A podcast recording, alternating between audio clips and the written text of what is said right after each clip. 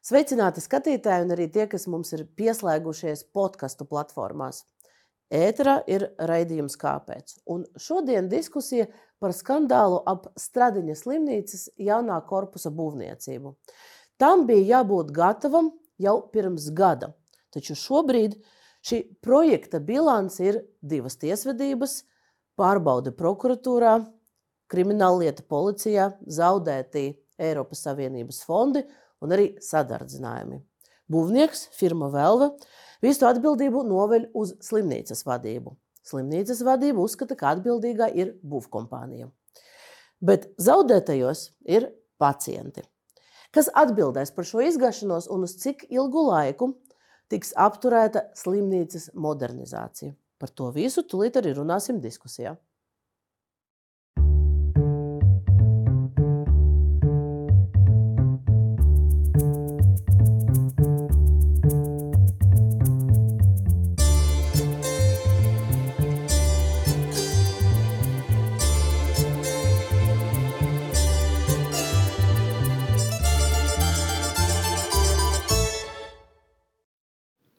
Un, lai šķetinātu šo stāstu, klāt ir uh, vairāk cilvēki no visām pusēm atbildīgie eksperti un tūlīt stādījuši priekšā.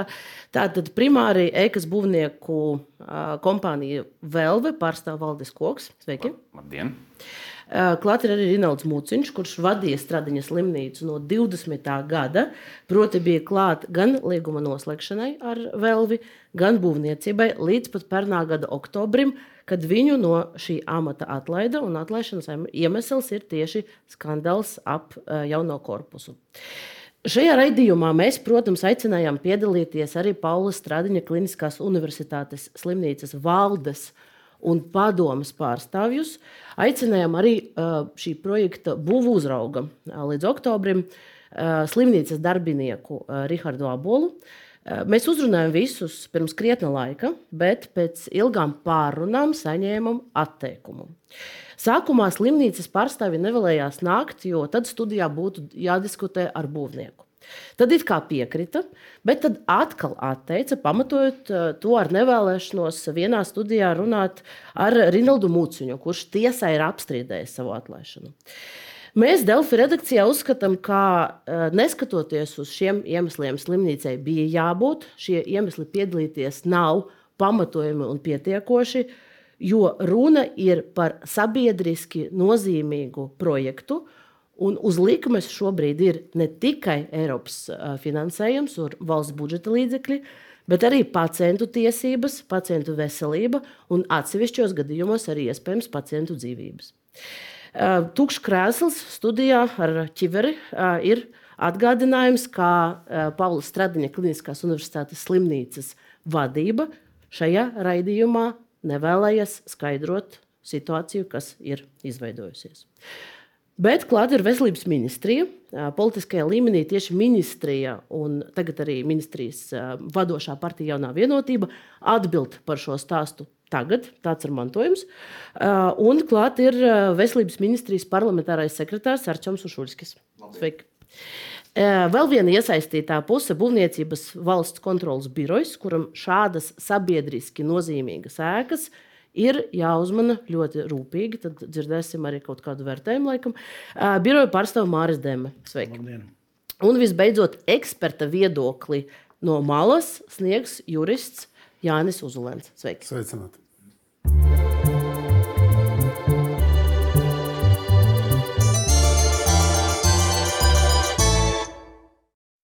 Pirms mēs sāksim sarunu, man nāksies vēl mazliet parunāt, jo šis stāsts ir garš.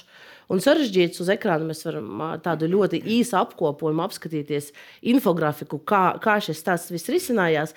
Tātad 20. gadā um, ir, bija noslēgts līgums par jaunā korpusa, uh, par A korpusa otrās daļas būvniecību. Uh, bija jābūt gatavam šim visam 23. gada pavasarī.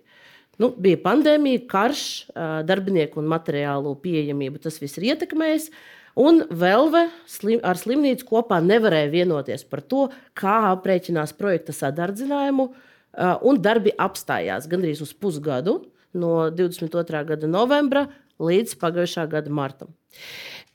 Pirms gada bija vienošanās par 16 miljonu sadardzinājumu, un pārlikts termiņš uz vienu gadu.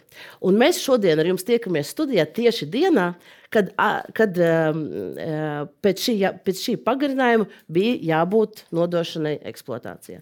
Bet tā vietā mēs esam nevis svinīgajā pasākumā, bet nu, te visi kopā risināt šo stāstu. Pernā gada nogalē ēkai vēl nebija pabeigta fasāde un uzlikts jumts. Tagad līgums ar Velvi ir lausts, un nākotne nu, šim projektam ir diezgan neskaidra.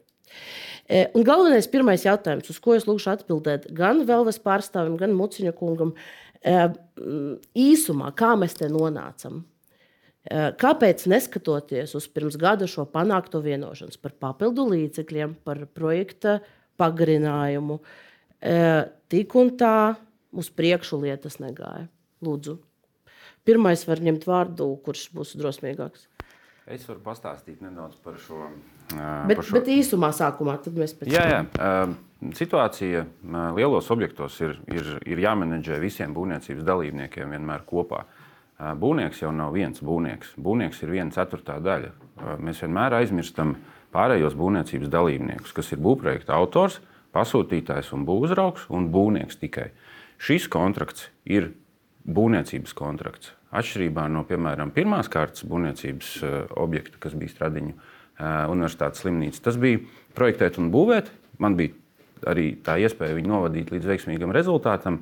Mēs viņu gan uzprojektējām, gan uzbūvējām. Šeit ir tikai klasisks būvniecības iepirkums, un mēs drīkstam veikt darbus tikai atbilstoši būvprojektam, kāds ir spēkā izdots. Un, ja kaut kas nav, tad pārējiem tas ir jāmenedžē. Tā ir viena puse. Otra sadaļa ir, kad ir jāmaksā par paveiktiem darbiem reizi mēnesī, nevis divos, trijos vai kā savādāk. Un trešais ir nu, pārlieku augstā birokrātija, uz ko varētu droši vien atbildēt uh, Abolkungs, kurš šodien nav ieradies. Uh, jo šīs izdomātās visas procedūras un šī dzīšana stūrī bremzē procesu. Un uh, var uh, vienā telpā, kā šādā, piemēram, elektrības kabeļus pieņemt uh, desmit minūšu laikā, un to var darīt arī trīs stundas. Un, un tas noved pie kaut kādām neloģiskām sekām. Bet galvenais iemesls, protams, ir tas, ka katram būvniecības dalībniekam ir jāpilda savu pienākumu. Un, un jau 2023. gada augustā bija informācija gan pasūtītājiem, gan veselības ministrijai. Tajā brīdī bija citi, citi ministri, un visi zināja par šīm problēmām. Pat jau bija nolemts, kad ir jāiet uz ministru kabinetu, pārdalīt arī finansējumu, lai nu, nebūtu šīs problēmas 23. gadā. Protams, nekas jau netika izdarīts. Tā skaitā arī netika risināta projektēšanas jautājuma. Jā, kā jau tika pieminēts, būvniecībā ir vairākas puses, un šeit svarīgs ir dialogs šo pušu starpā. Skaidrs, ka Covid krīze, tālāk sekojuši Ukraiņas krīze, sadārdzināja, un daudzi procesi nojuka. Bet mēs, kā pasūtītājs, mums ir svarīgi, kādu informāciju mēs saņemam. Ja pagājušā gada martā būvnieks parakstīja līgumu un apņēmās šo ēku uzbūvēt, bija zināmi visi apstākļi par projektu, par viņu kļūdām, par uh, būvzraudzības prasībām pret šo projektu. Bet neskatoties uz to, būvnieks piekrita, mēs vienojāmies par jaunu grafiku. Un mēs cerējām, ka šī ēka līdz šodienai tiks uzbūvēta. Diemžēl tas nenotika. Un šeit ir jautājums par atklātību šajās sarunās ar šīm četrām pusēm. Un mūsuprāt, būvnieks kaut ko līdz galam mums neizstāstīja. Te ir varbūt arī problēma, ka būvniekam mainījās bieži komandas. Uh, Kopš 20. gada eh, līdz pat arī pagājušā gada beigām eh, vēl bija trīs valdes priekšsēdētāji, attiecīgi nomainījās komanda, un mēs faktiski bieži vien šo sarunu un dialogu sākām no sākuma. Kaut kas kaut kur pazuda izstāstījumā, bet svarīgs arī šis dialogs, ko mēs nesadzirdējām. Mēs, protams, nācām pretī būvniekam arī pagājušā gada vasarā saklausot šo birokrātisko prasību, mēs pārskatījām līgumu, mēs cik vien iespējams samazinājām prasības pret eh, nu, varbūt, procedūrām, lai viņas būtu raitākas, bet nu, tik un tā šī ēkas eh, būvniecība negāja uz priekšu. Nu, tas ir svarīgi, kā mēs sarunājāmies. Acīm redzot, kaut ko mēs līdz galam nesapratām. Nu šeit jau kaut viens piemērs, viens fakts. Šī gada 26. janvārī mēs saņēmām būvkonstrukciju rasējumus kurus mēs, nu, mēs pirms manis, es šo objektu pārņēmu pagājušā gada vasarā, bet Vēlvas uzņēmums bija pirms diviem gadiem lūdzis un pie, paziņojis šo problēmu projekta autoram. par trepēm, kur ir neatbilstošs augstums, neatbilstošs standartam augstums, kurš ir jāpārbūvē. Pēc diviem gadiem, šī gada 26. janvārī, tiek izdoti rasējumi. Kopumā būvprojektā izmaiņas ir vairāk nekā 500 autoru uzraudzības žurnāla ieraksti. Vai tas liecina par to, ka būvprojektā ir viss ok? Absolūti nē. Nu, to var apstiprināt arī droši vien uzraugošā institūcija. Mēs esam arī visas šīs analīzes veikuši no savas puses, esam teikuši priekšā projektētājiem, šīs ir problēmas, kas ir jārisina. Lūdzu, atrisiniet. Nav tā, ka kāds ir kaut ko turējis zem galda un nerunājis. Par visu visi ir bijuši lietas kursā, tikai vienkārši sistemātiski. Katrs nav darījis nu, savus pienākumus. Šī gadījumā būvnieks var būvēt, ja ir ko būvēt. Un to neviens uh, nerisina. Un, uh, Un tā ir tā, tā lielākā problēma. Bet es varbūt pirms, lai skatītāji saprotu, tad, tad vai es pareizi saprotu to argumentāciju, ka jūsu, jūsu arguments ir, ka jūs nevarējāt būvēt, jo jūs nezinājāt, kā jūs prasījāt uh, slimnīcai, slimnīca jums nedeva detaļas. Vai ne? ne? ne mēs nerunājam par detaļām. Uh, jautājums ir uh, ne, savādāk, rasējums. Tātad, vai būvnieks var būvēt bez projekta? Nu, tur var nokomentēt, BV, nu, nu, Dēmons kungs. Tā ir patvaļīga nu, būvniecība. To nedrīkst darīt būvnieks. Neapšaubām. Detalizāciju. Nē, neiet par detalizāciju. nu, jā, arī, kas bija būvnieka atbildība. Gribēju papildināt, jā. Tad skaidrs, ka princips ir viens par priekšu būvprojekts, pēc tam būvdarbi, jā, bet kā jau Rinalds minēja, tad uh, iet runa par iespējams par detalizāciju. Ja? Un šī gadījumā ir būtiski arī paskatīties, ko paredz līgums. Un arī mums būvniecības regulējums, ja, tātad gan būvniecības likumā, gan arī speciālajos būvnoteikumos ir nostiprināts tas, ka par būvprojektu detalizāciju atbild būvdarba veicējs. Ja, ja viņš to nav paprasījis pirms būvdarba uzsākšanas, tad tālāk jautājums par detalizāciju risina viņš. Ja. Bet, ja paprasa, un ja ir kļūdas būvprojektā, ko mēs norādām, nesaistas būvprojektā, kur piemēram augstumi neiet kopā būvkonstrukcijām, Tas nav detalizācijas Jā, tas jautājums. Cits, tā, tas arī jāņem vērā, ka ar būvprojektu detalizāciju izmaiņas būvprojektā nevar veikt. Jā. Jā, bet nu, šie jautājumi tika risināti, bija regulārs sanāksmes, un tur attiecīgi arī projekta autors, tur, kur tas bija nepieciešams, to darīja. Bet tur, kur bija līgumā paredzētā detalizācija, kas ir attiecīgi būvnieka atbildības joma, protams, tam bija jāuzņemās. Tas bija jau pēc līguma jāuzņemās būvniekam, jo būvnieks jau šo projektu redzēja pirms eh, iepirkuma un apņēmās viņu realizēt. Nedaudz par iepirkumu varbūt. Mm, ir, ir tāds uh, fenomenāls fakts bijis iepirkuma laikā, kad um, tika izsludināts iepirkums 2020. gadā, uh, varbūt izsludināts pat bija 19. gadā. Tad viens no vērtēšanas kritērijiem bija iekļauts tāds - saimnieciski izdevīgākais. Viens ir cena, un tad ir otrs izdevīgākais kritērijs. Jūs varat uz, pa, pa, padomāt, kāds tas diez varēja būt un tas saucās, kurš būvnieks atradīs visvairāk kļūdas būvprojektā. Jūs eh, varat iedomāties kaut ko tādu, neviens to nevar iedomāties. Eh, protams, iepirkuma uzraudzības birojas to atzina kā pilnīgi nu, nepamatotu un pretiesisku, jo būvuzņēmējs eh, būvniecības iepirkumā piedalās tikai par būvniecību, nevis par kļūdu meklēšanu un eksperta funkciju būvprojektā. Un to atzīst visas instances un institūcijas. Un, un tas tika noraidīts, protams, bet tas, ko apliecina? Tas apliecina tikai to, ka būvprojekts jau pašā sākumā ir bijis ļoti, ļoti nu, tāds, kāds ir bijis. Uh, un tas ir pat mēģināts jau kaut kā uzgrūst uz būvnieku, bet tas ir pretlikumīgi. To nedrīkst darīt. Nu, būvprojekts ir izgājis visas ekspertīzes, kas ir nepieciešamas, un pat vairāk slimnīca, pat uh, vairāk ekspertīzes paprasīja nekā paredz uh, šo likumu. No, tas varbūt bija nevisai veiksmīgs, bet tomēr mēģinājums būvniekam, lai viņš nopietni pastāstītu šo projektu. Jo mēs zinām šos piemērus, kad sākam būvēt un tādu mēģinām atrast visādas eh, kļūdas projektos, uz kā tad paildzinām termiņus un pagarinām. Tas bija slimnīcas, varbūt neveiksmīgs, bet mēģinājums, lai būvnieks nopietnāk eh, paskatītos uz šo projektu, pirms viņš saka, jā, es šo varu uzbūvēt par šādu naudu un šādā termiņā. Vai būvnieks ir atbildīgs par būvprojektu kļūdām?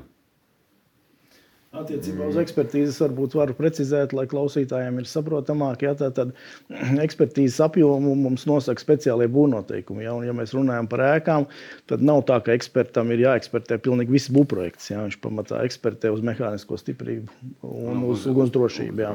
Okay, šajā brīdī nu, ir skaidrs, ka šobrīd pastāv divas diametrāli pretējas versijas par to, kam bija jānotiek. Uh, Un, un kas arī notika Buvlaukumā, varbūt uh, mēs varam uh, Uzolēna kungam palūgt, klausoties šo, šo diskusiju. Jums, jums top skaidrs, kam tad bija atbildība, lai tie darbi virzās uz priekšu?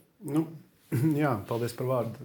Tad, tad pirmkārt, nu, mēs 15 minūtes diskutējam par to, kurš ir atbildīgs par ko būvprojektu. Patiesībā viss ir ļoti vienkārši. Uh, Sāksim ar to vienkārši, par ko katrs atbild. Pasūtītājs atbild par visām savām darbībām, ko viņš ir pasūtījis un uzņēmies pie konkrētās metodas. Tātad izpētes, būvprojekta izstrāde, ekspertīze, būvniecība, projekta vadība, tad viss šī procesa organizēšana kopumā. Būvnieks atbild par to, ko viņš būvē. Tik tālu te viss ir pareizi. Tas, ko kungi šeit savā starpā strīdās, tā ļoti pieklājīgi, 15 minūšu garumā, patiesībā tas ir stāsts par būvniecības projekta realizācijas metodi. Kā mēs darīsim darbu, un, uh, un kurš vairāk uzņemsies savā pusē riskus. Un pēc būtības visa šī diskusija ir tikai par risku menedžmentu. Ne par ko vairāk.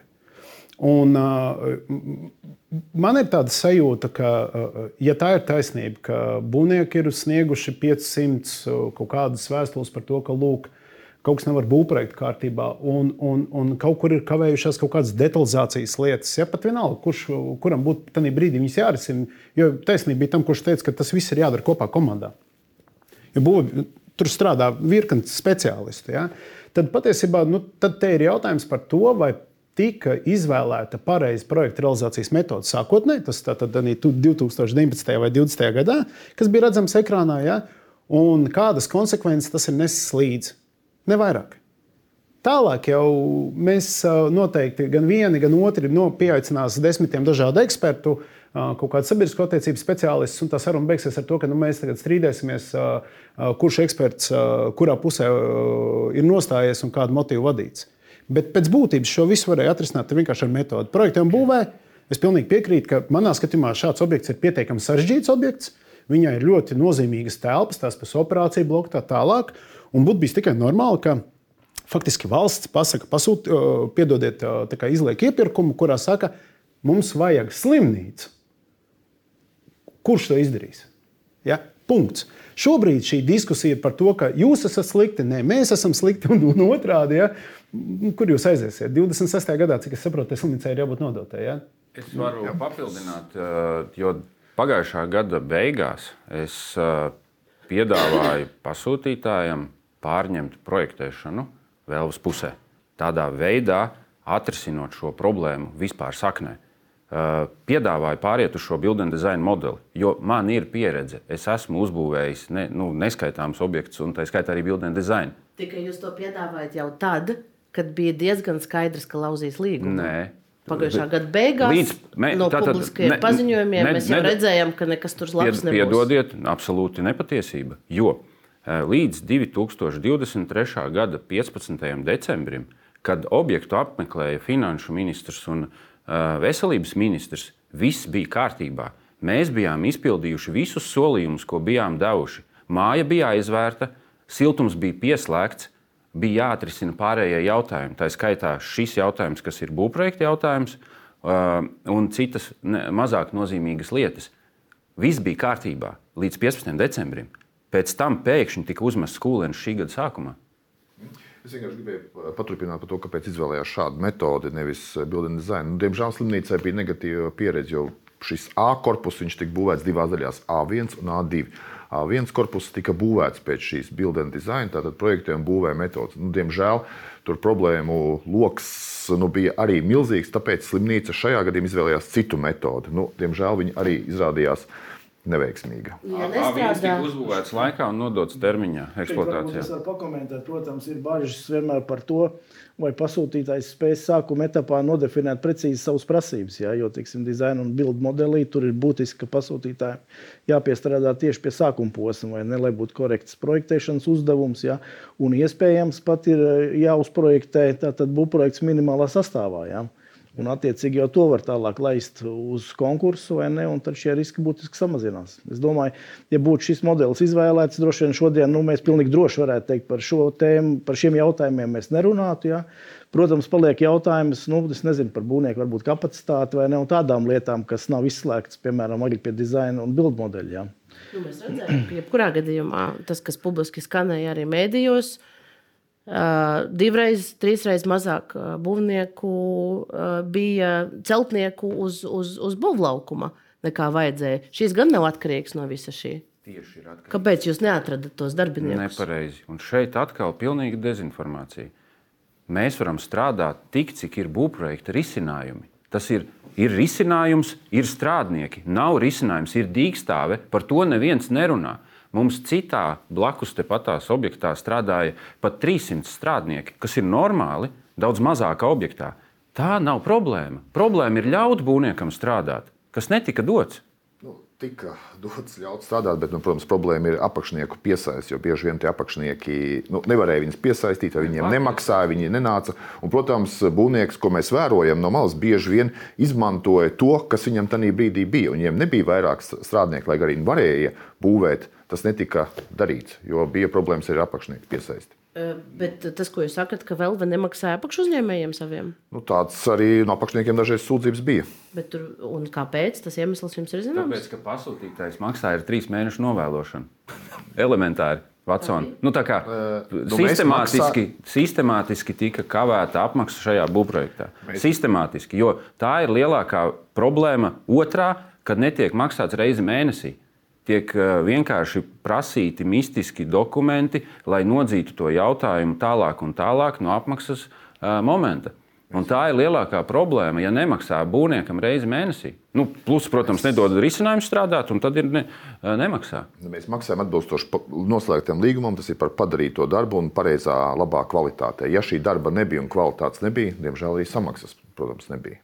Bet kad, kad sākās? Uh, nu, publiski mēs dzirdējām par problēmām jau tad, kad, notika, kad bija spāru svētki.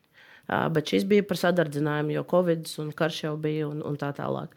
Uh, bet, bet jautājums ir, kad sākās, kad bija šis brīdis, kad, jūs, nu, kad tie maksājumi no jūsu puses palēninājās, jo jū, pēc jūsu versijas jūs nesaņemat labā kvalitāte tos konkrētus darbus. Faktiski var runāt par nu, otro periodu pēc šī līguma pagarināšanas pagājušā gada martā, nu, kad mēs vienojamies, mēs samaksājam avansu pat būvniekam, tādu naudas plūsmu nodrošinājumu. Tad mēs redzējām, ka aprīlī, maijā jau šie būvdarbi neiet uz priekšu. Un tad mēs jau sākām eh, celt trauksmi, jo kā, nu, tikko mēs martā esam parakstījuši vienošanos, ka viss ies jauns grafiks, izmaksājuši avansu, nodrošinājuši naudas plūsmu, un darbi uz priekšu neiet. Un te es gribu nospēlēt uh, vienu fragment no vakardienas uh, ministra, veselības ministra intervijas.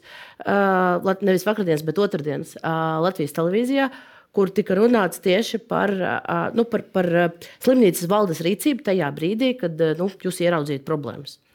Bet es tomēr gribētu nocitēt ekspertu. Pēc stradiņa slimnīcas, par slimnīcas stradiņu slimnīcas valdes darbu sāka jau 23. gada jūnijā bija tiesisks pamats vienpusēji atkāpties no līguma, jo bija skaidrs, ka vēl nespēs līgumu izpildīt noteiktā termiņā. Bijušās Jā. valdes lēmums neizbeigt līguma darbību.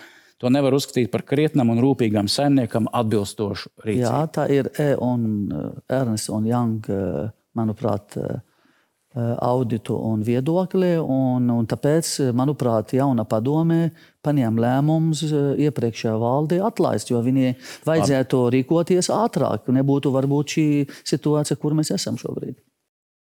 E, jā, nu, faktiski, nu, droši vien juridiski mēs varējām piekasīties pie katras neiesniegtā papīrīša 100 miljonu projektā. Ja var, protams, var atrast kaut ko neizdarīt, bet, protams, jāsabalansē sekas šādiem lēmumiem. Uh, Jo faktiski, ja mēs līgumu laustu, pieņemsim, jūnijā pie pirmās neiesniegtās atskaites, šie zaudējumi Eiropas fondos būtu krietni lielāki nekā mēs šobrīd runājam par 26 miljoniem, kas ir kad būvnieks strādāja līdz uh, gada beigām, bet tie būtu krietni ātrāk. Otrām kārtām, ja jaunajai valdei un padomē tas bija zināms, ka šo līgumu var lauzt jūnijā, kāpēc mēs trīs mēnešus stāstījām visiem, ka līgums iet uz priekšu?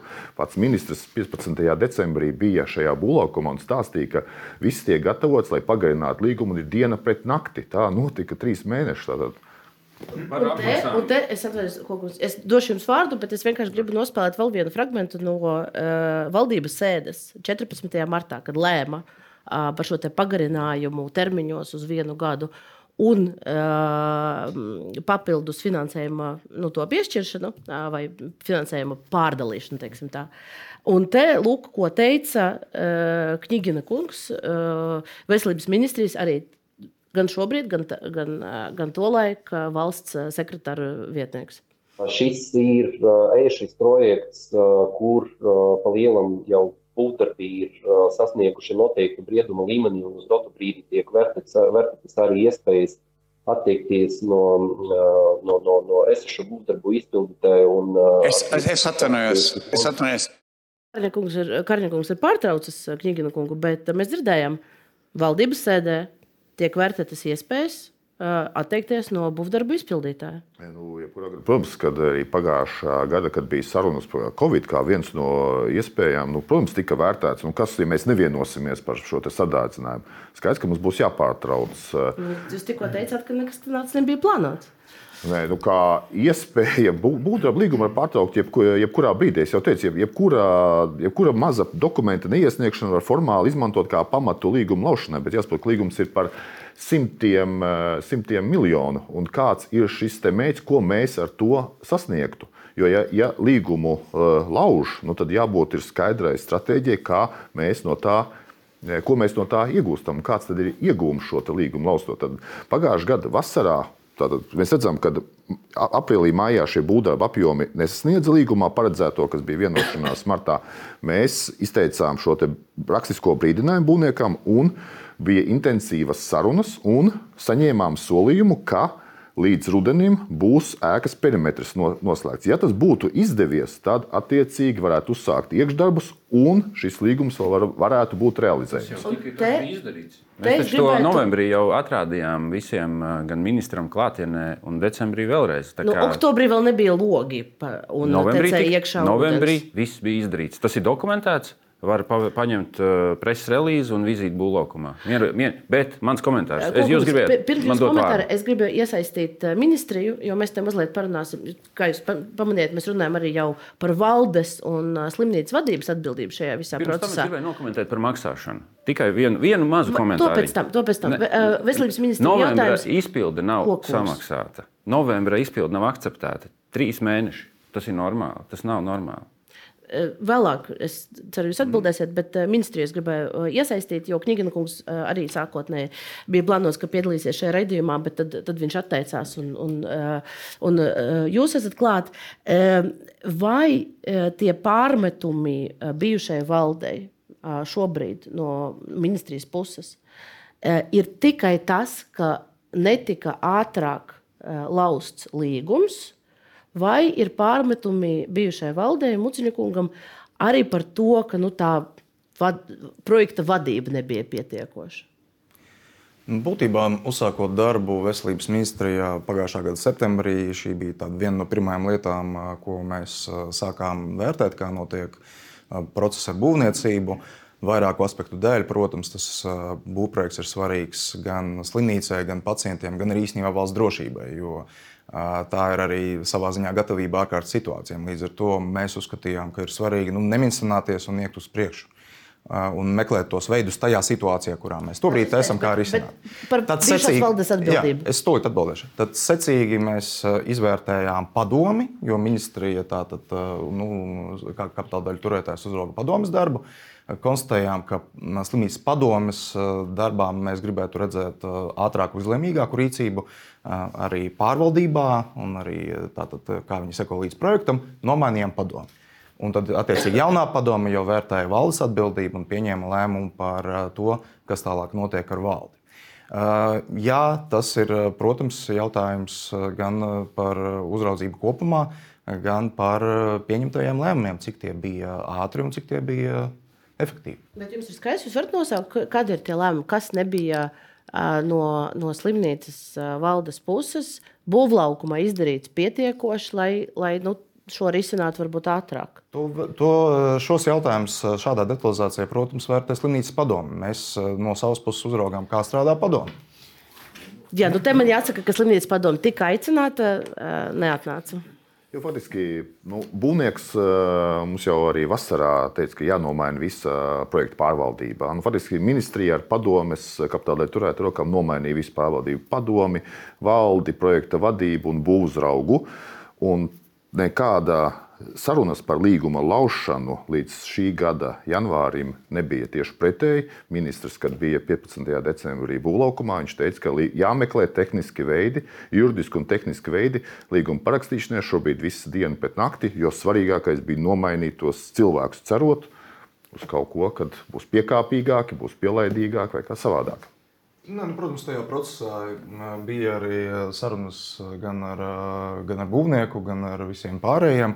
Un, mēs jums tikāmies un, dažādos formātos, un arī man klātsot, un īsam klātsot. Nu, tas bija un, 15. decembris. Es varbūt pabeigšu tiešām. Droši. Jūs bijāt tur pats personīgi redzēju, redzēju vienā telpā. Un, uh, tika dots arī laiks nosacīt, jā, kad uh, nu, jaunā padome sāk strādāt, uh, arī būvniekam kā, nu, parādīt, kā viņš var strādāt citādāk. Jāsaka arī, ka uz kādu, uz kādu laiku arī to darbu intensitāte palielinājās. Bet tad atkal bija nu, kritums. Un, protams, skaidrs, ka nav tā, ka nu, nomainās cilvēki un uzreiz vajag pirmajā dienā visu griezt un nu, radikāli mainīt. Bet uh, vairāku mēnešu laikā tas progress nebija tik ātrs, kā mēs gribētu to redzēt. Uh, Un, tad, attiecīgi, nu, padomu valde jaunā pieņēma lēmumu, ko darīt tālāk. Es, es tādu skaru repliku, nu, parunājamies un kas. Ja? Tad, tad nu, vispirms mums ir līgums. Līgums tas ir. Sevī satur visu, ko mēs esam sadarījuši, lai varētu kaut ko uzbūvēt. Piemēram, mēs te visu laiku pieminam indeksāciju.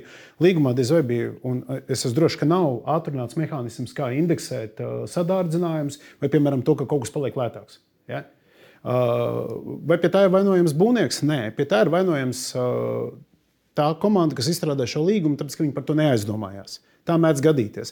Tad, tad visiem bija jāmeklē kopīgi ātrs algoritms, kā to indeksāciju paveikt vai izbeigt līgumu. Ļoti pareizi replika. Ja? Tad, tad vienu vai otru darbu mēs izdarām. Atradām veidu, kā indeksēt, viss ir forši. Sākām par kaut ko citu strīdēties. Nu, jūs sakat, jūs te visi parunājāties. Megforši ir protokolēts tās sarunas, kur ir trīs uzdevumi līdz konkrētam datumam.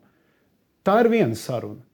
Nav šo protokolu. Tad, tad nu, tad, nu, forši mēs parunājāmies, un tālāk kas? Es sapratu šo sarunu tā, jūs sapratāt savādāk. Mēs atkal turpinām strīdu. Ja? Nu, man šķiet, ka mēs spēlējamies ar ļoti lielu naudu. Nu, un, un, un strīdu, nu, gal galā strīdu, tas ir pēdējais, ko vajag pieļaut būvniecībā. Viņi gadās, un tas ir normāli. Bet viņus var izsākt, dokumentējot katru soli, uh, Nevis pārmērīgā birokrātijā, bet vienkārši nu, tātad, mums ir problēma, lūk, ir risinājums, lūk, ir termiņš. Un, ko tie trīs lietas iezīmējot? Viss. Un, un šo darbu, es domāju, šodien pat var izdarīt. Un, un, un, un, un, un, jā, ir jātiek skaidrībā ar tiem problēmu jautājumiem, kāds ir iztirzājums, kāds ir datums, mēs varam vai nevaram. Ja? Kur ir problēma? Nomainīt metodi, piedodiet, to pēdējā replika, nomainīt metodi, to var. Tas ir grūti. Kāpēc? Tāpēc, ka Tad brīdī, jau, kad būvnieks kaut ko ir būvējis pēc citas metodes, tad starp pusēm būs tas disputs par to, ka reku, mums ir kaut kāds problēma cēlonis. Uh, pieņemsim, tie 500 tie gadījumi par, tām, uh, par to būvprojektu. Ja? Cik no viņiem ir atrisināmi autora uzraudzības kārtībā nu, dienas, divu laikā vai nedēļas laikā? Cik no viņiem ir tādi, kas skar ekspertējamās daļas būvē? Un cik no tā ir tādi, kas vienkārši fundamentāli pasaka, nu, ka kaut kas ir jādara savādāk? Lielākā daļa, lielākā nezinu, daļa pat ir, izstrādāta, vienkārši atsakās izdot, lai nefiksētu nu, faktu, ka tiešām bija problēma. Nu, tā jau ir tāda sabotāžas līmenis. Es no malas, es, es, es, es no malas es nepārstāvu šeit nevienu. Es, es vienkārši no malas saku, ka ir trīs veidi, kā risināt šīs problēmas. Nav ceturtā, piektā veida. Nu, Protams, ir izbeidzama līguma uz redzēšanos. Bet tas ir tik vienkārši. Nu, nu, Godātie kolēģi, tas... Nu, jūs, jūs, tas ir vienkārši. Un, un tad ir jautājums, jūs kaut ko pasūtat Nu, tad ko jūs īsti pasūtat? Nu, ko jūs tajā līgumā liekat? Nu, ko jūs būvējat? Ir arī pretī jautājums. Ja? Un, ja tas sadurās intereses, nu, tad rekur ir kontrols institūcija, nu nākat palīgā. Ja? Un tur vispār ministrijai nebūtu klāt jābūt, tur valdē nebūtu klāt jābūt. Tur ir konkrēta projekta vadības komanda, uzraugi, projekta vadītāji, būvnieki, viņu projekta vadītāji, būvuzraugi. Nu, tad kur ir problēma? Pakon, pakomentējot, mums ir bijušas sanāksmes arī ekonomikas ministrijā pagājušā gada Mm, pagājušā gada novembrī ar protokolēšanu, tā skaitā, kurā mēs iztirzājām šos piemēru jautājumus, lai saprastu, varbūt tiešām mēs nu, nepareizi rīkojamies un prasām izstrādāt būvprojektu tur, kur mums tas nav jāprasa. Un viennozīmīgi bija atbilde skaidra un gaiša. Jūs rīkojaties pareizi, jūs nevarat strādāt bez būvprojektu risinājumiem. Viņi ir jāizdod, tikai tad jūs varat, varat veikt darbus. Tas ir viens.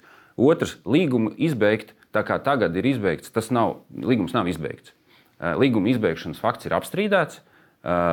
Mēs joprojām uzskatām, ka tas ir absolūti pretiesisks. Mēs esam vērsušies arī pie dažādiem ekspertiem, lai viņi sniegtu savu viedokli par to. Ir jau saņemti arī pirmie atzinumi no godājumiem cilvēkiem, kas arī pasaka skaidri un gaiši, ka pirmšķietami izvērtējot visus šos dokumentus, līguma izbeigšana nav bijusi tiesiski pamatot. Nu, to, to, to tiesa noteiks. Mucinikungs ļoti ilgi mēģina tikt pie varas. Es, es, protams, piekrītu arī sākt to, ka svarīgākais ir dialogs. Piekrītu, kolēģis arī teica, ka nu, tā, tā sarunāšanās, nu, bet, nu, diemžēl, nu, tas ir tādā ideālā pasaulē. Ja mēs mācētu vienmēr sarunāties, nu, karu nebūtu pasaulē, mēs visu atrisinātu. Bet tas jūsu darbs, tikai panākt to jā, sarunāšanos. Jā, un to, to mēs arī, tā, arī darījām. Faktiski nevis uzreiz lauzām līgumu, bet mēģinājām vēl sarunāties, lai virzītu šo procesu procesu uz priekšu. Mēs piesaistījām arī mediātors, mēs izveidojām ekspertu komisijas, kas mums palīdzēja. Mums arī profesionāli cilvēki mēģināja veidot paralēlu. Eh, Tātad, kā mēs varam pārbūvēt šos, te, šos te visus procesus? Protams, to pārtrauca lēmums par eh, valdes padomes un, attiecīgi, visas komandas maiņu. Bet jautājums ir laikam arī par, par, par jūsu darbu uzraudzībā, jo uh, mēs redzam, ka jauna komanda atnākot, uh, piemēram, piesaistīja ārējo būvu uzraugu no ārpuses.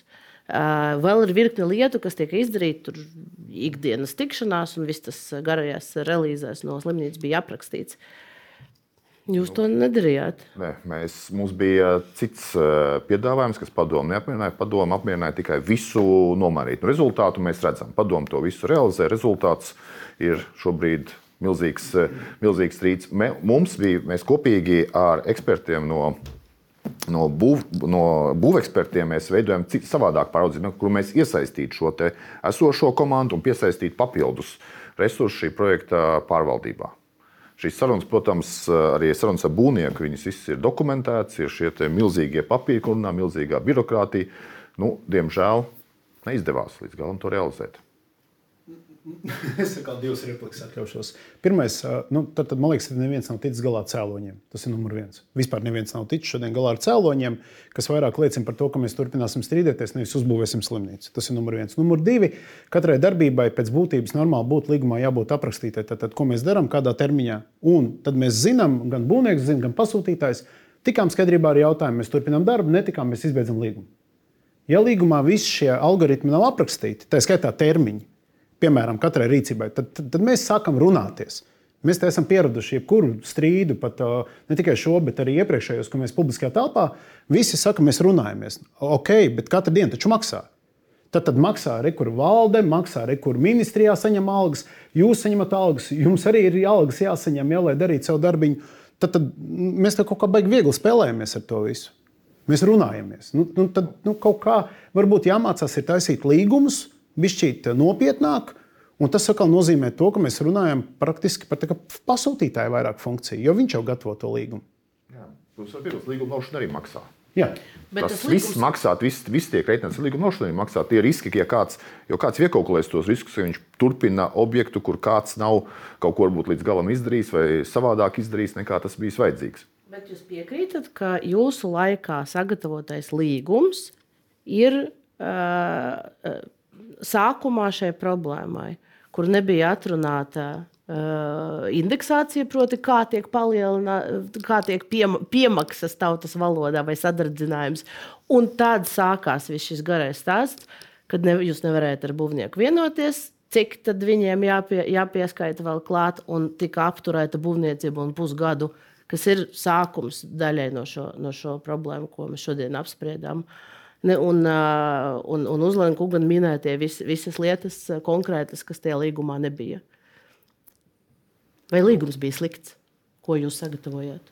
Nu, Atsevišķi jautājumi varbūt tur nebija līdz galam atrasties, pie, piemēram, šī indeksācija, jo līgums tika slēgts. Līgums tika gatavots vēl pirms manas uh, ierašanās, jo konkurss jau sākās 18. un 19. laikā. Tad atbildība ir jums? Jā, parakstīts ir uh, manā laikā, jo tajā brīdī jāskatās tie apstākļi, kas attiecīgā brīdī bija. Jo mēs jau vienmēr visi zinām tikai pēc diviem gadiem, kā vajadzēja labi rīkoties. Jo tajā laikā inflācijas nebija un mēs mēģinājām aizsargāties, lai būvnieks nepamatoti neizmantot šos indeksācijas. Uh, mehānismus, jo mēs jau zinām, ir daudz strīdi par eh, sadārdzinājumiem, par papildus uzbūvētajiem. Jo tajā brīdī inflācija bija 1% eh, gadā. Vai kāds varēja paredzēt, ka būs eh, Covid, pēc tam Ukrainas karš un būs šāda veida izmaksu pieaugums. Jo arī līguma noslēgšanas brīdī mums trūka naudas, valdība mums piemaksāja. Mēs nevarējām atļauties vēl vairāk par šo tērēt. Uzliekas, kā jums šķiet, tas līgums bija būvniekam izdevīgs vairāk nekā valstī? Ja, skat, ja, ja, skat, ja skatās uz tā trūkumiem? Ja es pārstāvētu valsts intereses, es teiktu, ka jā. Ka tajā brīdī, kad viņš tika parakstīts, man šķiet, ka valsts ļoti daudz kārtas no savām rokām izlaiž ārā. Nu, es, es to mēģinu tā tolerējot, saku, teikt, tāpēc, ka noteikti par šo visu tiesāsies. Ja, un, un, un, un, un, un man nav laikam tiesība izpausties detaļās, bet valstī viņš nav izdevīgs. Nu, bet būvniekam arī droši vien ir riski jau tā kā būvniekam. Saprotiet, kaut vai nu, tādas lietas, kā piemēram garantijas apjomi vai kaut kādas tādas lietas, protams, man, man šeit ir pa mazu priekš tik sarežģīti objekti no vienas puses. No otras puses, jau tā pazīme, ko, ko kungs minēja, kas man liekas absolūti dīvaini, ja, ka jau iepirkumā bija mēģinājums ielikt uh, kritisko vērtēšanu par būvprojektu, tas jau kaut kas nebija kārtībā. Tas nozīmē, ka par metodi Uh, nu, vai par kvalitāti, vai par metodi kāds šaubījās. Un, un tad vienmēr ir liederīgi nu, nevis spērt nākamo soli, protams, slēgt līgumu, bet pakāpties divus soļus atpakaļ. Nu, to māca riska menedžments. Un, it kā mēs tērējam ne savu naudu, tad mums ir jānodarbojas ar riska menedžmentu. Ja? Tā kā jāpārvalda tie riski. Un tad būtībā diez vai mēs te sēdētu un diskutētu par to ilgu konkrēto lēmumu. Kas jau parāda, ka šis projekts startup patiesībā no līgumiskā viedokļa veidojās absurd, absurdā gaitā. Izgāja. Ja? Nu, tam tā nebija jānotiek.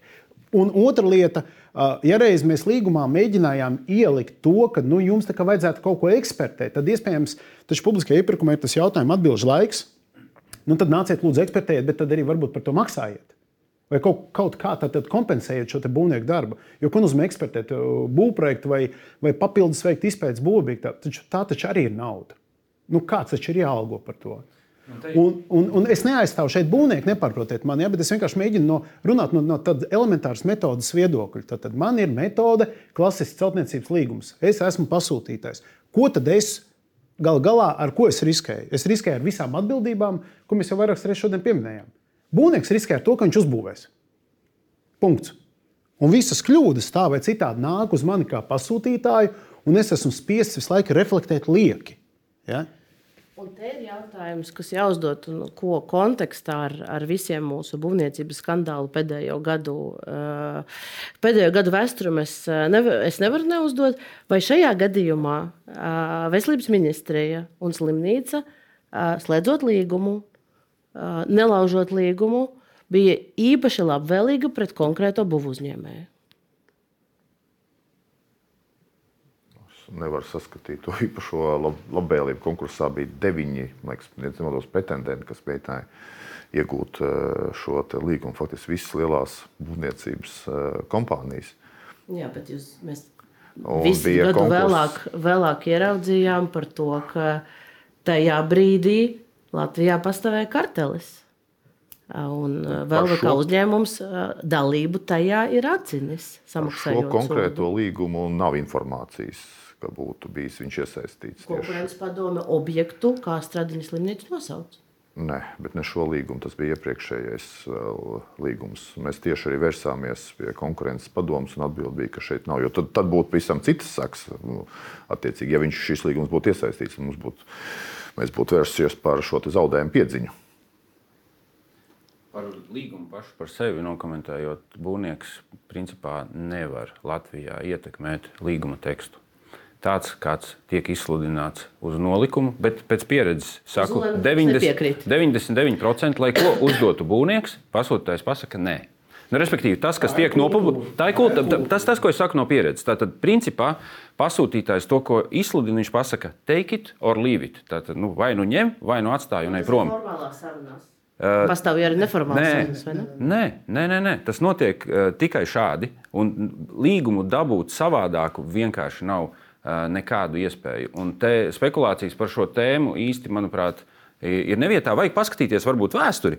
Varbūt tiešām bija jautājumi, un kaut kas tika tur samazināts. Es, es nezinu, ne, neesmu bijis klāt pie šī iepirkuma, bet principā 99% gadījumu ir šādi. Take it or leave it.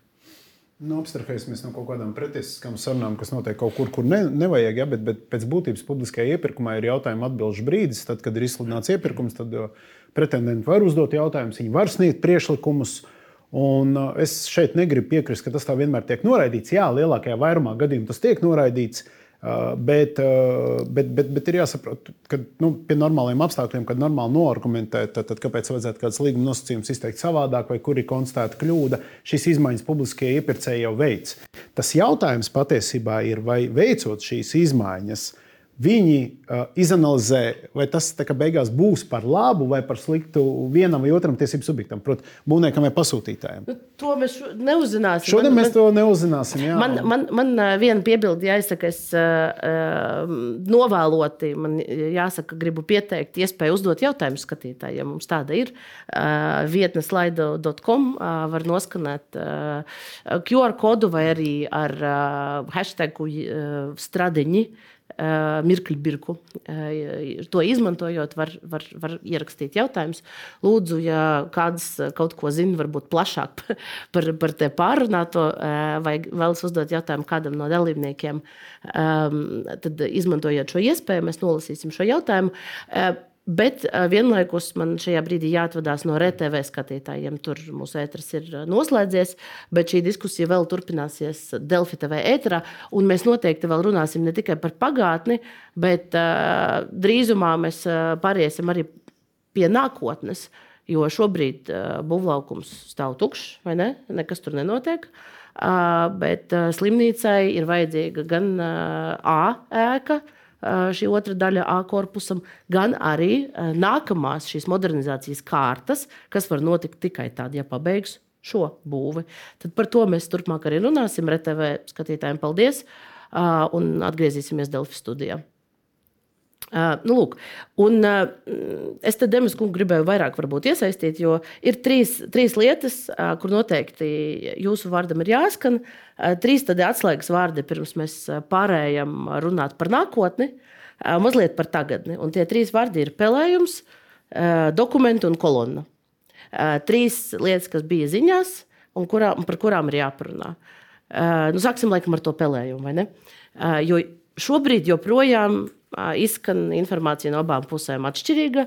Vieni saka, ka pelējumu vairs nav, viss ir iznīcināts. Otri saka, nē, nē, nē, tur vēl ir sporas un viss vēl ir joprojām slikti, viss izplatās. Uh, nu, sāksim, laikam, varbūt jums ir ministrijai jāpārstāv šobrīd uh, slimnīcas pozīcija, jo, kā jau teicu, slimnīcas vadība neatnāca uz šo raidījumu. Nu, jautājums ar pelēm ir tiešām diezgan sarežģīts. Mēģināju to risināt vairāku mēnešu laikā. Uh, Mēs, piesaist, mēs slimnīca piesaistīja arī starptautiskos ekspertus, kas specializējas šajos jautājumos. Viņi to šobrīd vērtē. Bet nu, labi šobrīd tiešām neizskatās. Izskatās, ka tur vajadzēs. Nu, viens no iespējamiem risinājumiem varētu būt, ka būs jāpārbūvē viss pagrabs. Lai atrisinātu pelējumu pro problēmu, un tā ir nu, papildus ieguldījumi. Bet ko tas nozīmē jāpārbūvē? Jo mēs redzējām arī televīzijas sižetos, uh, tur ir betons un tie metāla profili, to arī ņemt ārā. Ne, nu, Tad tas spēlējums ir iekšā tajos man, man, man, tieši, man tiešām materiālos. ļoti grūti nokomentēt tik detalizēti par to, par to problēmas apmēru, bet nu, eksperti pabeigs savu darbu un arī nu, iedos, iedos to savu redzējumu, un tad būs to jautājumu jārisina. Bet tā, ka tur tas spēlējums ir pazudis vai iznīcināts, tā tas nav. Tas, nu, protams, kaut kāda pagrabstāvu demontāža, tas ir pilnīgs absurds, kas tiek tiražēts. Nezinu, kā vārdā un ar kādu mērķi. Uh, jo tie būtu kārtējie ento miljonu zaudējumi, kas būtu jāsadz nodokļu maksātājiem, kas nav vispār patiesi. Mēs esam dabūjuši šajās nedēļas sākumā savu starptautisko ekspertu slēdzienu, kurā ir testējot, pārbaudītas dažādas vietas. Viens ir pagrabs, par ko mēs runājam, ir pārbaudīta slimnīca, kura šobrīd blakus funkcionē, un ārā dabīgais fons. Jums ieskatam, pagrabstāvā pelējuma sporas ir mazāk kā ārā dabīgā gaisā. Un, protams, slimnīcā ir mazāk kā ārā. Bet ir. Nulle nav pat jūsu slimnīcā, kas strādā šobrīd. Mēs uztaisījām šo pārbaudi. Tā pārbaude ir uztaisīta. Viennozīmīgi ir atzinums, ka ir jāturpina gaisa ozonācija, ir jāfiltrē gaiss, un gaisa sporās palikušais pelējums vienkārši jādabū maksimāli zems. Nekāda demontāža vispār nefigurē. Un, un, un, nu, es mēdzu teikt, tādu terminu šie suņa murgi ir vienkārši jābeidz tiražēt. Nu, es nezinu, vai tos var nosaukt par suņu murgiem, ņemot vērā, ka nu, šobrīd jau būvnieks nav tajā. Ja. Mēs sagaidīsim to slēdzienu, gala slēdzienu, un, pieņem, un attiecīgi slimnīca pieņems lēmumu. Nu, ko tur citu var pateikt? Tas pelējums ir jāatrisina pirms mēs ejam tālāk. Jo pagrabs ir ļoti būtisks stāsts slimnīcā, gan arī no drošības viedokļa, iespējama ārkārtas situācija. Mēs nevaram vienkārši izlikties, ka tās problēmas nav. Bet jūs teicāt, ka nu, Pelēm šos jūs redzējāt? Gaisā ir vairāk nekā ārā gaisā, ir vairāk kā pagrabā. Nu, saprotiet tēmu vispār. Nu, tā kā Pelējums pagrabā ir. vairāk ir ārā. Bet, uh, Un tas ir normāli. Saprotiet, Ko, jūs kungs, ko, kungs? Nu, Nu, tas Paldies, ir mēs normāli. sapratām, mēs sapratām jūsu pozīciju. Uh, Te laikam Demis kungu es gribēju iesaistīt. Uh, Kā jūs, jo mēs kā sabiedrība redzam, ko kā nespeciālisti. Vienam būvniekam ir savi eksperti, kas pasaka, ka pelējuma nav. Ministrijai un slimnīcai ir citi eksperti, kas pasaka, ka pelējums ir, Nē, viss ir jādemontē. pateikuši. Kā, kā, kā, lai, kā lai mēs saprotam, kā tur īsti ir un kam šobrīd ir jānotiek? Nu, jā, nu tā ir problēma, kas šobrīd ir procesā. Nav risinājums vēl uz doto brīdi, Tad būs attiecīgi secinājumi, slēdziens, tad būs toši jārīkojas. Skaidrs, ka pelējums nevar palikt uz konstrukcijām, tās, kas ir bojātas, un pelējumu nevar dabūt nekā savādāk ārā, tās būs jādemontē. Vai ne lietas? tādas. bija uz konstrukcijām, viņas ir demontētas jau novembrī. Bet, bet, bet vai, vai, Mēs nenoliedzam, ka viņš tur Ko, bija. es tu pabeigšu to savu domu. Va- Vai pelējums var tiešām būt iekšā nu, tajā, tajā pašā pa, tajās pamatkonstrukcijās? Pied... Nu, es nelietoju specifiskus terminus. Jā, nezinu, nu, reģipsī, piemēram, ja batēs, ja vēl kaut kur viņš var būt iekšā. tas jau tika Bet tas vai ne? rezultāts ir jāpanāk tāds, ka tur nepaliek šis pelējums, vai ne? Es, es, es, es neesmu Jūs arī ne ķīmiķis, kā- kā jurists, jā. Es, es jums pateikšu, vienu vienkārši lietu. Nu, tagad viena puse aiziet, viens eksperts paņem, otra puse aiziet, paņem otrs eksperts. Uh, Tas, ko es no malas klausos, ja viņi atnāk pie manis kā pie mediātora un teikt, nu, re, ka mums ir divi eksperti slēdzieni, un viņi būtu kaut nedaudz diametrāli pretēji. Es teiktu, mīļie draugi, vienojieties, aiziet pie trešā eksperta un uzdodiet kopā jautājumus. Nu, mēs tikko Erklas sporu atrisinājām, tikko lietu. Ja? Tad, tad nevajag abām pusēm katram atsevišķi iet un meklēt kaut kādu savu taisnību. Vajag vienkārši kopā vienoties par jautājumiem. Pirms vispār kaut kur iet. Ja? Un tas jau ir strīdus risināšanas kultūra. Tātad, ko mēs gribam panākt? Mēs gribam pierādīt savu taisnību vai atrisināt problēmu. Bet te ir jautājums, te ir jautājums par to, uh, kāpēc ātrāk netika piesaistīts uh, uh, Demiskungs un, un, un, un, Mēs un abi birojas. Ķīmiķi un, un pelējuma eksperti, jāsaka tā. Jā, vai ne? protams, bet, bet, Bet mēs, bet, bet mums slimnīca stāsta, Jā. ka pelējuma problēma šajā, šajā ēkā un šajā būvobjektā ir no 21. gada jau. 22. gada. manuprāt. 22. Jā, beigām. Piedošana, 22. gada. Un tad, attiecīgi, Viņi attiecīgi ir fiksēti. viņam bija un jūs tika jāpasauc. Un, Nē, un nē, jā, nu, mēs jau arī to problēmu tādā veidā nerisināsim. Kā būvniecības valsts kontrolas birojas, attiecīgi procesa dalībnieki šo procesu organizēja, nepieciešams organizē pārbaudas laboratorijas. Un gala rezultātā, tad, kad mēs pieņemsim darbus, ir jābūt tā, ka tur šāda problēma nav objektā. Precīzi. Tas, ko mēs no savas puses izdarījām pagājušā gada jūlijā, mēs ar pasūtītāju un būvniecību saskaņojām novēršanas programmu, kas ir jādemontē līdz kādam stāvoklim, kur ir jāņem paraugi, kas jātestē. Tas viss tika izdarīts, un lī- līdz 2023. gada novembrim eh, tika demontētas visas bojātās vietas, un veiktas atkārtotas pārbaudas. Tika eh, gan apstrādāts gaiss, gan konstrukcijas, un veikti atkārtoti pārbaudas eh, nu, mērījumi. Un, un jūs izdarījāt, kad? Tas tika darīts no jūlija līdz novembrim, un atkārtotās pārbaudes tika veiktas decembrī, un janvārī, un februārī atbrauca vēl ārzemju eksperti. Un tad, un tad uh, mēs redzējām sižetu no kolēģiem, nekā personīgi, kas rādīja video, kas ir uzņemts uh, janvāra pirmajās dienās, un mēs varam to video apskatīties. Bažas bija pamatotas. Šo video Stradiņas slimnīcas pārstāvis uzņēma pirms mēneša. Tajā redzams aplūdes jaunā korpusa pagrabstāvs. Nu, di... Pilnīgi. Uh, Vismaz viss bija skaidrs. Droši vien deepfake. Tur bija viss skaidrs pēc emocijām. Bet tas jau nav. Sižets, ir februāra sākums, tātad video filmēts janvāra sākumā. Ko, ko jūs tur izdarījāt novembrī? Jā, Tas nav mēs... šis objekts. Es nezinu, kas tas ir. Jūs paskatieties sižetus, kur mēs staigājam ar presi, kur viss ir savs. 15. decembrī viss bija savs. Arī janvārī viss bija savs. Nu, kā, tad nu, tur vajag papētīt, no kurieniem tas ir radies. Tas ir nu, tīrākais apmelojums. Pagrabs visu laiku ir savs no decembra sākuma. Nu, es nezinu, vai mums šobrīd ir jāiet tajā priekšvēsturē un jāmeklē, kas ir izdarījis labi vai pareizi, vai pilnīgi vai nepilnīgi. Nevar noliekt, ka būvnieks tiešām ir mēģinājis šo problēmu risināt. No mūsu puses un no slimnīcas puses šobrīd ir svarīgi, nu, lai mēs ejam uz priekšu, būdami pārliecināti, ka viss ar pelēm ir atrisināts. Šobrīd tas pelējums vēl pastāv. Mēs nu, slimnīca sagaida to izvērtējumu, atrisina problēmu tādā vai citādā veidā, kā tā būtu jāatrisina korekti un līdz galam. Un ejam uz priekšu. Jūs viņu nevarat šobrīd atrisināt. Jums ir līgums, kā vismaz jūs uzskatāt, ka ir izbeigts un pēc būtības vienīgais mehānisms, kā kaut ko šobrīd darīt, tas ir runāt par konservācijas plānu. Pareizi? Nu, es varu precizēt, ka šobrīd situācija objektā ir tāda, ka būvdarbi ir apturēti. Jā, apturēti ir daļa tā, kad ir attiecīgi izmaiņas veikts būvotļaujā, no kuras izņemts ārā būvdarba veicējs un atbildīgais būvdarba vadītājs.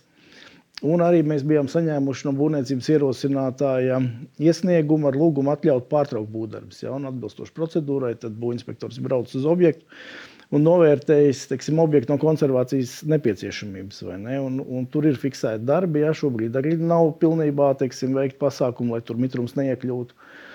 Un, attiecīgi, tiks izstrādāts konservācijas darba projekts. Jā, viņš ir jāsaskaņo. Attiecīgi, arī izmaiņas būs būvotļaujā, ja liekot iekšā šo būvdarbu veicēju, kas veiks šos pasākumus. Nu, droši vien mērķis ir tāds, ka no šī gada vasarā līdz rudenim, ja, kad sāksies atkal sliktie laiki, tam objektam būtu jābūt iekonservētam. Bet līdz vasarai tur objektā nevar nekas sabojāties. Nu jā, nu, viss jau prasa laiku, vai ne? Tā tad ir jāizstrādā šobrīd konservācijas darba veikšanas projekts. Jā. Iespējams, to pasūtītājs vienosies ar būvprojektu izstrādātāju. Attiecīgi jātais iepirkums, jāslēdz līgums. Nu, tāda ir tā procedūra, vai ne? Bet ņemot vērā to, ka, ka līgums lausts brīdī, kad tie laika apstākļi ir tādi nelabvēlīgi, jebkam laikam tā jāsaka, Varbūt, šajā būvlaukumā kaut kas nu, nu, sabojāsies un būs jābūvē no jauna materiāli. Grūti kādi... pateikt, šobrīd teiksim, kādu nu, tālāko virzību ir izvēlējies būvniecības ierosinātājs. Jā, skaidrs ir tas, ka ir jānofiksē situācija uz šo brīdi, jāsaprot, kas ir izdarīts, kādā apjomā izdarīts. Jā. Attiecīgi darbi, kas ir pieņemti, varbūt kas nav pieņemti. Nu, nu, tālāk jau materiāli ir kaut kas ir atsegts. Nu, tas ir jānofiksē. Jā.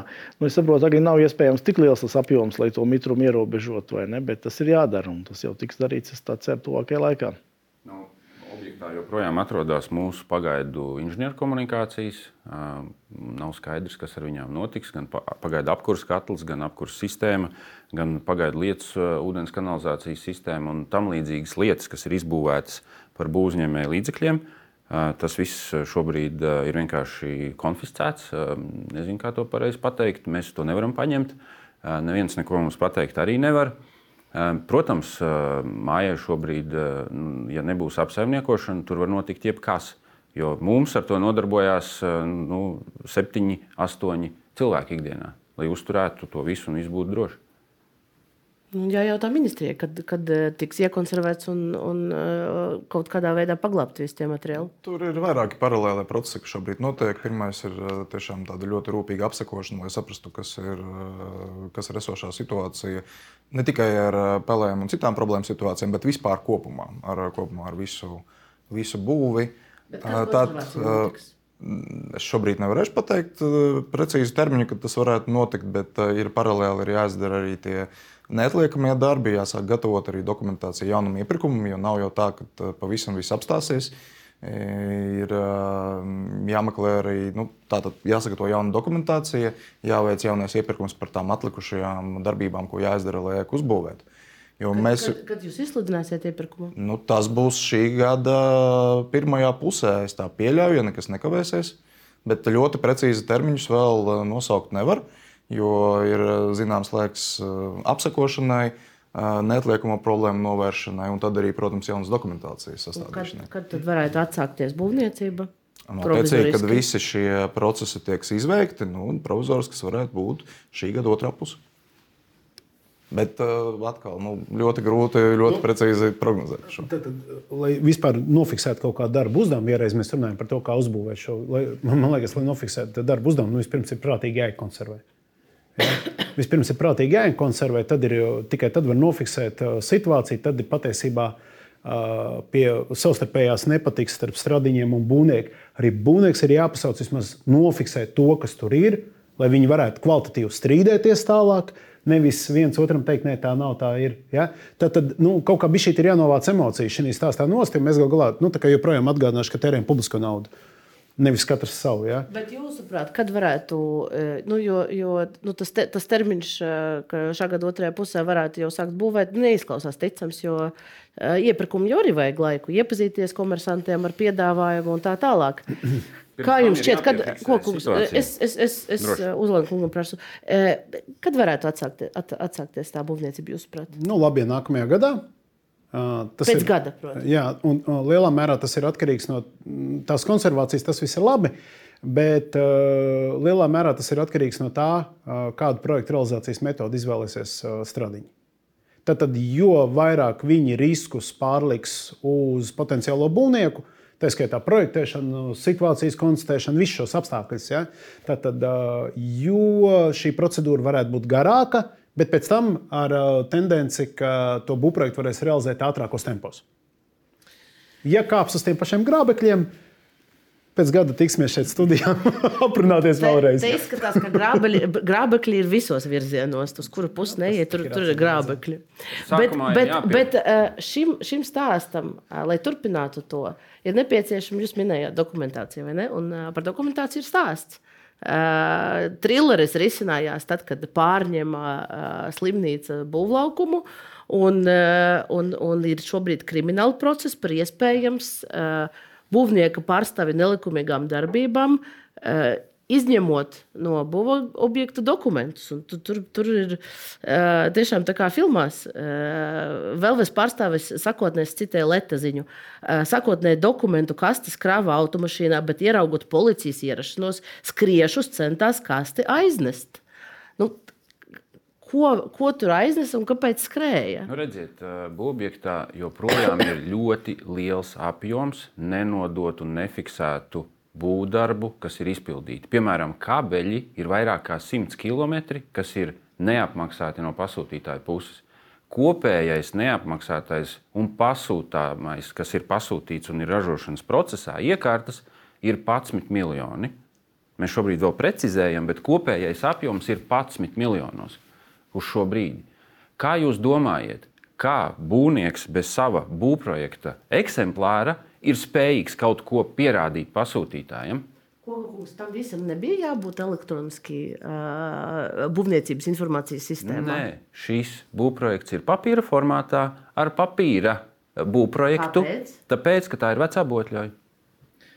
Nu jā, es divas lietas varu pieminēt. Viena lieta ir tāda, ka, protams, dokumentācijai, ja viņi ir papīrā, viņai ir jābūt būvobjektā. Un otra lieta ir tāda, ka, ja būtu pārietis arī neskatoties, ka būtu ļauj izdot papīrā uz elektronisko procesu, ja, tad šāda problēma vienkārši nebūtu iespējama. Ne? Bet arī, protams, ir likumīgi e, šobrīd procesu pabeigt papīrā. To likums paredz. Ja? Tad, tad būtu ļaujas, ja process, kas ir uzsākts pirms 20. gada 1. janvāra, ja? tad tā jau teiktu, ir dalībnieku, nu, droši vien galvenokārt varbūt pasūtītā izvēle, kādā veidā šo procesu pabeigt. Jā, nu tas process tika uzsākts attiecīgi jau sen, pirms tā laika tas bija iespējams. Tā bija vienošanās, ka uh, viņš ir turpinās arī papīra formātā. Daļa no dokumentiem mums ir iekšējā kvalitātes sistēma, daļa no dokumentiem ir arī elektroniski, bet pamatā viss ir joprojām papīrā.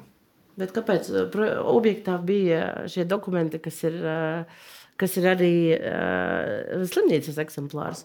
Jo, jo viens no iemesliem, kuru mums skaidroja, kāpēc slimnīcas pārstāvji nevar šajā redzījumā pie, piedalīties, jo būva objekta dokumentācija ir aiznesta, un šobrīd neko komentēt nevar. Kā tas vispār ir iespējams? Nu, tas tad jājautā slimnīcas vadībai. Es, nezinu, es neatbildēšu. Nevaru atbildēt to. Man arī ir godīgi grūti komentēt nu, tādas operatīvā līmenī, kā teikt, nodrošinās darbs ar dokumentiem. Nu, neņemos, neņemos teikt.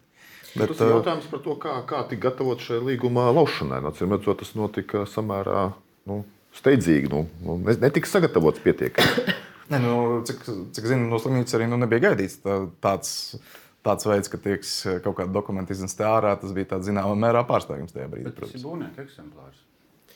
Uh, tur gan saka, ka jūs aiznesāt arī slimnīcas eksemplāru līdzi. Nu, tas tā, ir tas, kas tika publiski aplūkots. Man tāda rīcība. Uh, jums, jums jautājums, uh, ja mēs atgriežamies pie tās nākotnes, es tiešām gribētu aiziet uz to, kas tagad notiks un kāda būs ietekme šim uz, uz, uz nākotni. Jūs piekritat uh, Uzlana kunga teiktiem, ka nu, labi, ja pēc gada atsāksies būvniecība? Nē, nu, varētu būt. Es tāpēc arī eh, pašā sākumā, kad mēs sākām runāt par iespējamiem termiņiem, arī teicu, ka nu, eh, grūti prognozēt, jo secīgi jāaiziet visas tās lietas, kas ir jāizdara tagad.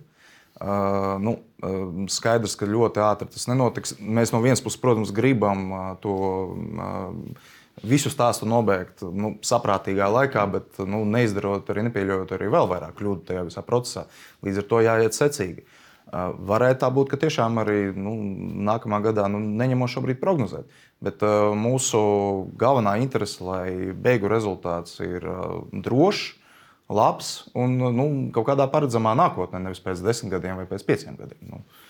Zemes kungs, jums ir prognozes, kā, cik, cik, cik ilgu laiku varētu ņemot vērā visu konservāciju, iepirkumu izsludināšanu un tā tālāk? Nu, konservācija droši vien iet savu ceļu, vai ne? Es droši vien arī slēgtos piekrist, ka ātri tas noteikti nebūs. Tu, ātri, tu, jūs varat nosaukt to? Droši vien arī nākamais gads, jā.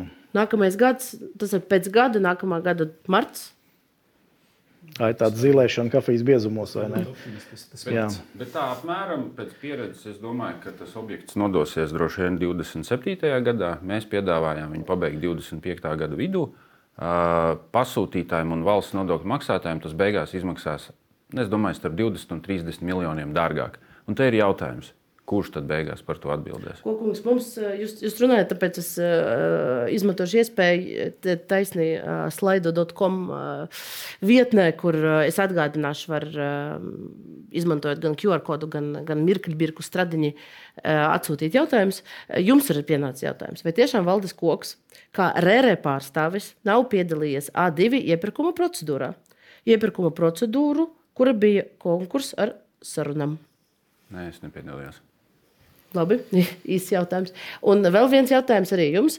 Cik ilgi pēc Covid-19 un Ukraiņas kara sākuma ir pieļaujams novelt visas nedēļas ar līguma izpildi uz minētajiem apstākļiem? Tas, ne, es pieņemu, ka tas arī ir jums. Nevaru komentēt, jo es neko tādu nedaru. Nu, tas gan bija sākumā iemesls, kāpēc. Vis...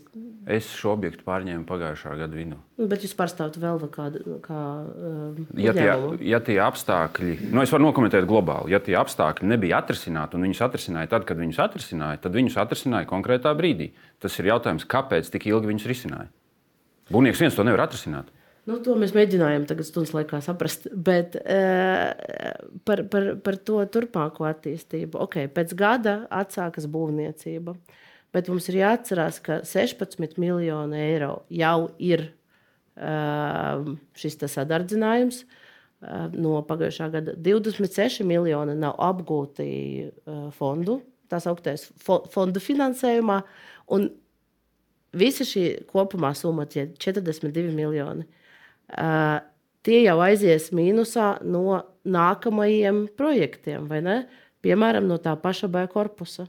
Tas nozīmē, ka nākamajos projektos būs mazāk iespēju, mazāk komforta pacientiem, mazāk kaut kādas vajadzības apmierinātas nekā sākotnēji bija plānots. Pareizi? Ļoti iespējams, ka no 16 miljoni šobrīd jau nav iztērēti. Šogad būvniecība nav notikusi, arī 16 miljoni nav tērēti.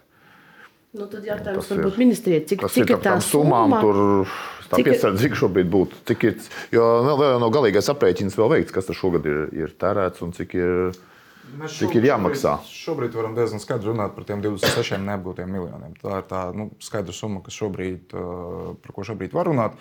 Bet taisnība arī Musiņa kungam, ka tur varbūt parādīties arī kaut kādas blaknes. Jā, lai nofinansētu, tā kā pabeigtu projektu, mēs skatāmies citus veidus, no, kura, no nu, citas vietas, mm, būtībā, no, kuras, no kurām var paņemt šos eh, nepieciešamos līdzekļus, bet es negribētu apgalvot, ka tas kaut kādā mērā ietekmēs eh, arī neksim, nākamo projektu kvalitāti vai lielumu. Nu, vienkārši risināsim soli pa solim. Nu, mums šobrīd, šobrīd, šobrīd mums ir jāuzbūvē šīs. Valdībā jau pirms gada runāja par to, no kā būs jāatsakās nākamajiem šim te modernizācijas projektiem slimnīcā, lai uh, nofinansētu A korpusu. Nu, Visticamāk, tas būs B korpus. Tālākie sli- slimnīcas eh, plāni, ja netiks atrasts eh, papildus finansējums vai arī pārskatīts B nu, projekta funkcionalitāte un izvietojums. kaut Mēs kāda. šobrīd aizņemamies no nākamajiem projektiem. Jautājums jums jau tagad jāsāk plānot, jo projektēšana jau tagad notiek tiem nākamajiem korpusiem. Jums tagad jāsāk plānot, kas tur nebūs. Tas ir jāzina tagad, lai atkal ar būvnieku pēc tam nebūtu problēma. ne? To jau uzsāka arī pagājušajā gadā, jo tāpēc jau ir kārtās arī, kad būvēja, A, kad, kad būvēja A korpusu. Viņš arī bija no sākotnēji plānots, ka viņi būvēs vienā kārtā. Nebija finansējuma, viņi būvēja divās kārtās, A1 un A2. Līdzīgi arī, arī B korpus, jau zinot to, ka var būt dažādi riski. Jo nauda viņam tika plānota pirms gadiem, X, kad vēl vispār ne Covid, ne Ukraiņas karš bija. Sāksim ar tādu lietu, tā nauda jau ir bez pat eh, šīm nedēļām, jau ir samērā maza priekš tā, kas tur ir ieplānots. Tāpēc arī viņš eh, var realizēt kārtās. Nu, būs vēl mīnusā. Jautājums, no kā jāatsakās. Es paskatītos, vai vispār nevar visu šīs kārtas apvienot vienā projektā un ļoti labi pastrādāt vienreiz pie plānošanas. Un, uh, jā, ok, kāds būvnieks dabūs ļoti labu darbu, bet, bet pie nosacījuma, ja tā prātīgi plāno un, un veltam pietiekamu laiku plānošanai, tad mēs to smuku saliekam iepirkuma dokumentācijā. Kāpēc tā neapvienot visu? Nu, bet tas būs ātrāk, jo mums jau regulējums paredz, tad, tad ja ir arī vairākas kārtas jāuzprojektē, ir viss, un tad var virzīties tālāk uz būvniecību. Jā, jā nu, te, te, būs jautājums par to, ja izvēlēsies projektiem būvē metodi, cik mūsu normatīvā bāze atbilst uh, un cik viņi ir efektīvi, lai šo metodi realizētu tā, kā viņi ir jārealizē. Es tam piekrītu, bet uh, mums kā ir laiks arī šo jautājumu risināt. Un tas ir ministra kabineta jautājums, kurā laikam daži grozījumi ministra kabineta noteikumos un jautājums atrisināts. Turklāt Latvijai šāda pieredze ir. Proti, iepriekš normatīvais regulējums paredzēja, ka var būvprojektu realizēt daļās. Pareizi, saņemt būvētļauju, nulles cikls, būvkonstrukcijas. Un kas mums liedz izdarīt elementāras izmaiņas ministra kabineta noteikumos, vienos, divos, desmit, tad, tad vispārīgos būvnoteikumos un speciālajos būvnoteikumos. Kādai mazai komandai jāpastrādā un vienkārši jāuzraksta grozījumi. Nu, jā, bet jāvērtē kāda ieguvuma, vai ne? Ja mēs realizējam atsevišķās iecerēs, nu, Ir viss jau atkarīgs mazāki riski valstī. nu, dārgāk samaksāta nauda. to, cik var atļauties. vai Nu, jā, nu, tad tā ir cita lieta. Ja nevaram atļauties, tad nepērkam, kā teikt. Nu, tur tā lieta. Vai uh, vispār būs iespējas ātri atrast to būvnieku?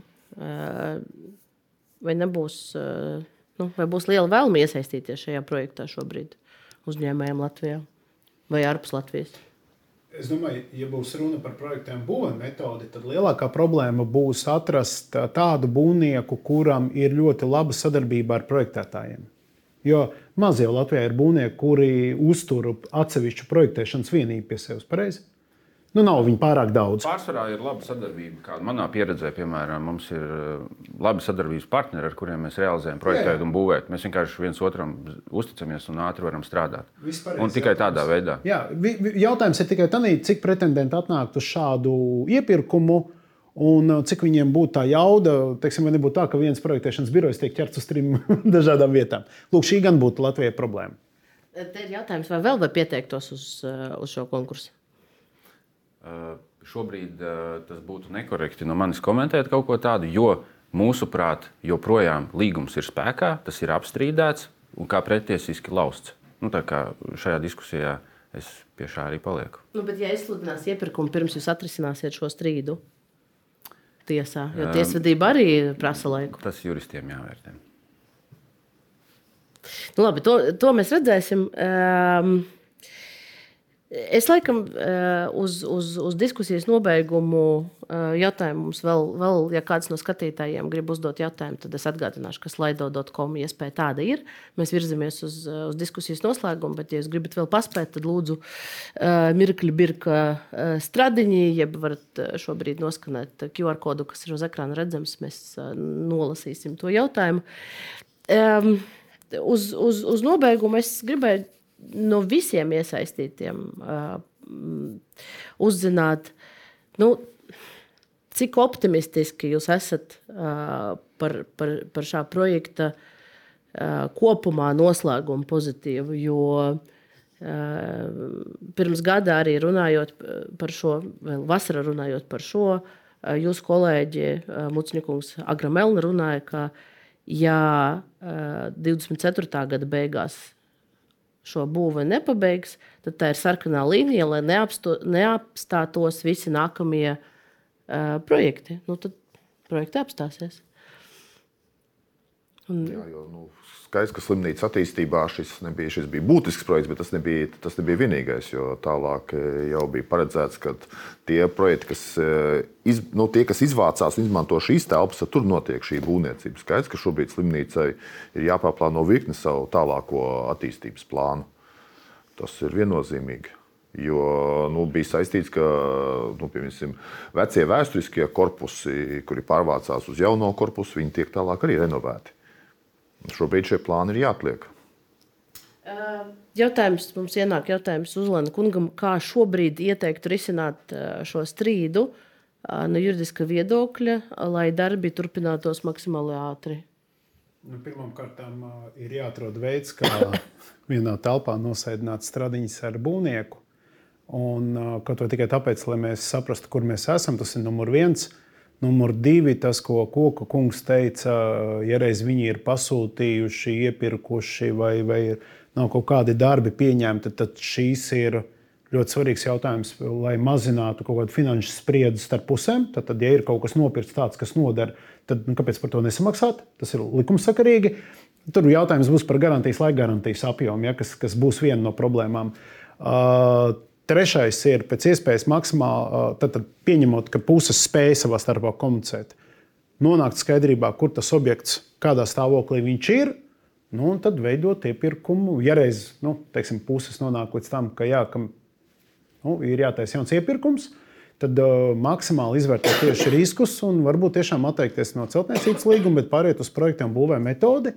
Tādā veidā saprotot, ka jau nu, šobrīd, no, skatoties no malas, nesekmīgu projektu, ne būvi, bet projektu, nu, mums ir jārisina pārdodot riskus būvniekiem.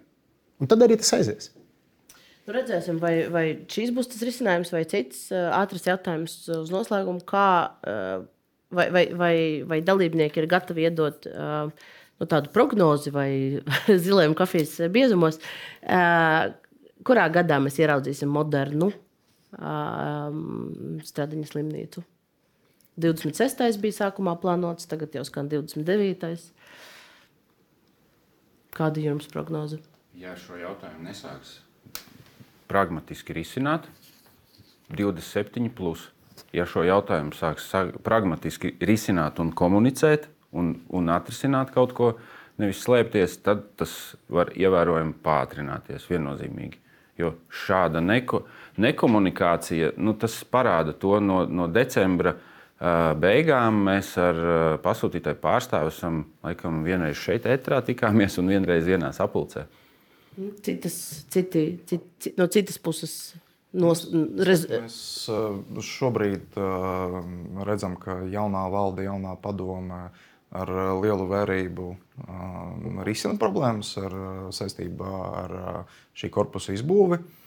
Gan piesaistot ekspertus, gan auditējot, gan skatoties dažādus variantus, ko un kā darīt tālāk. Nu, mēs, es domāju, ka realistiski varētu mēs skatīties 26. un 27. gadsimtu.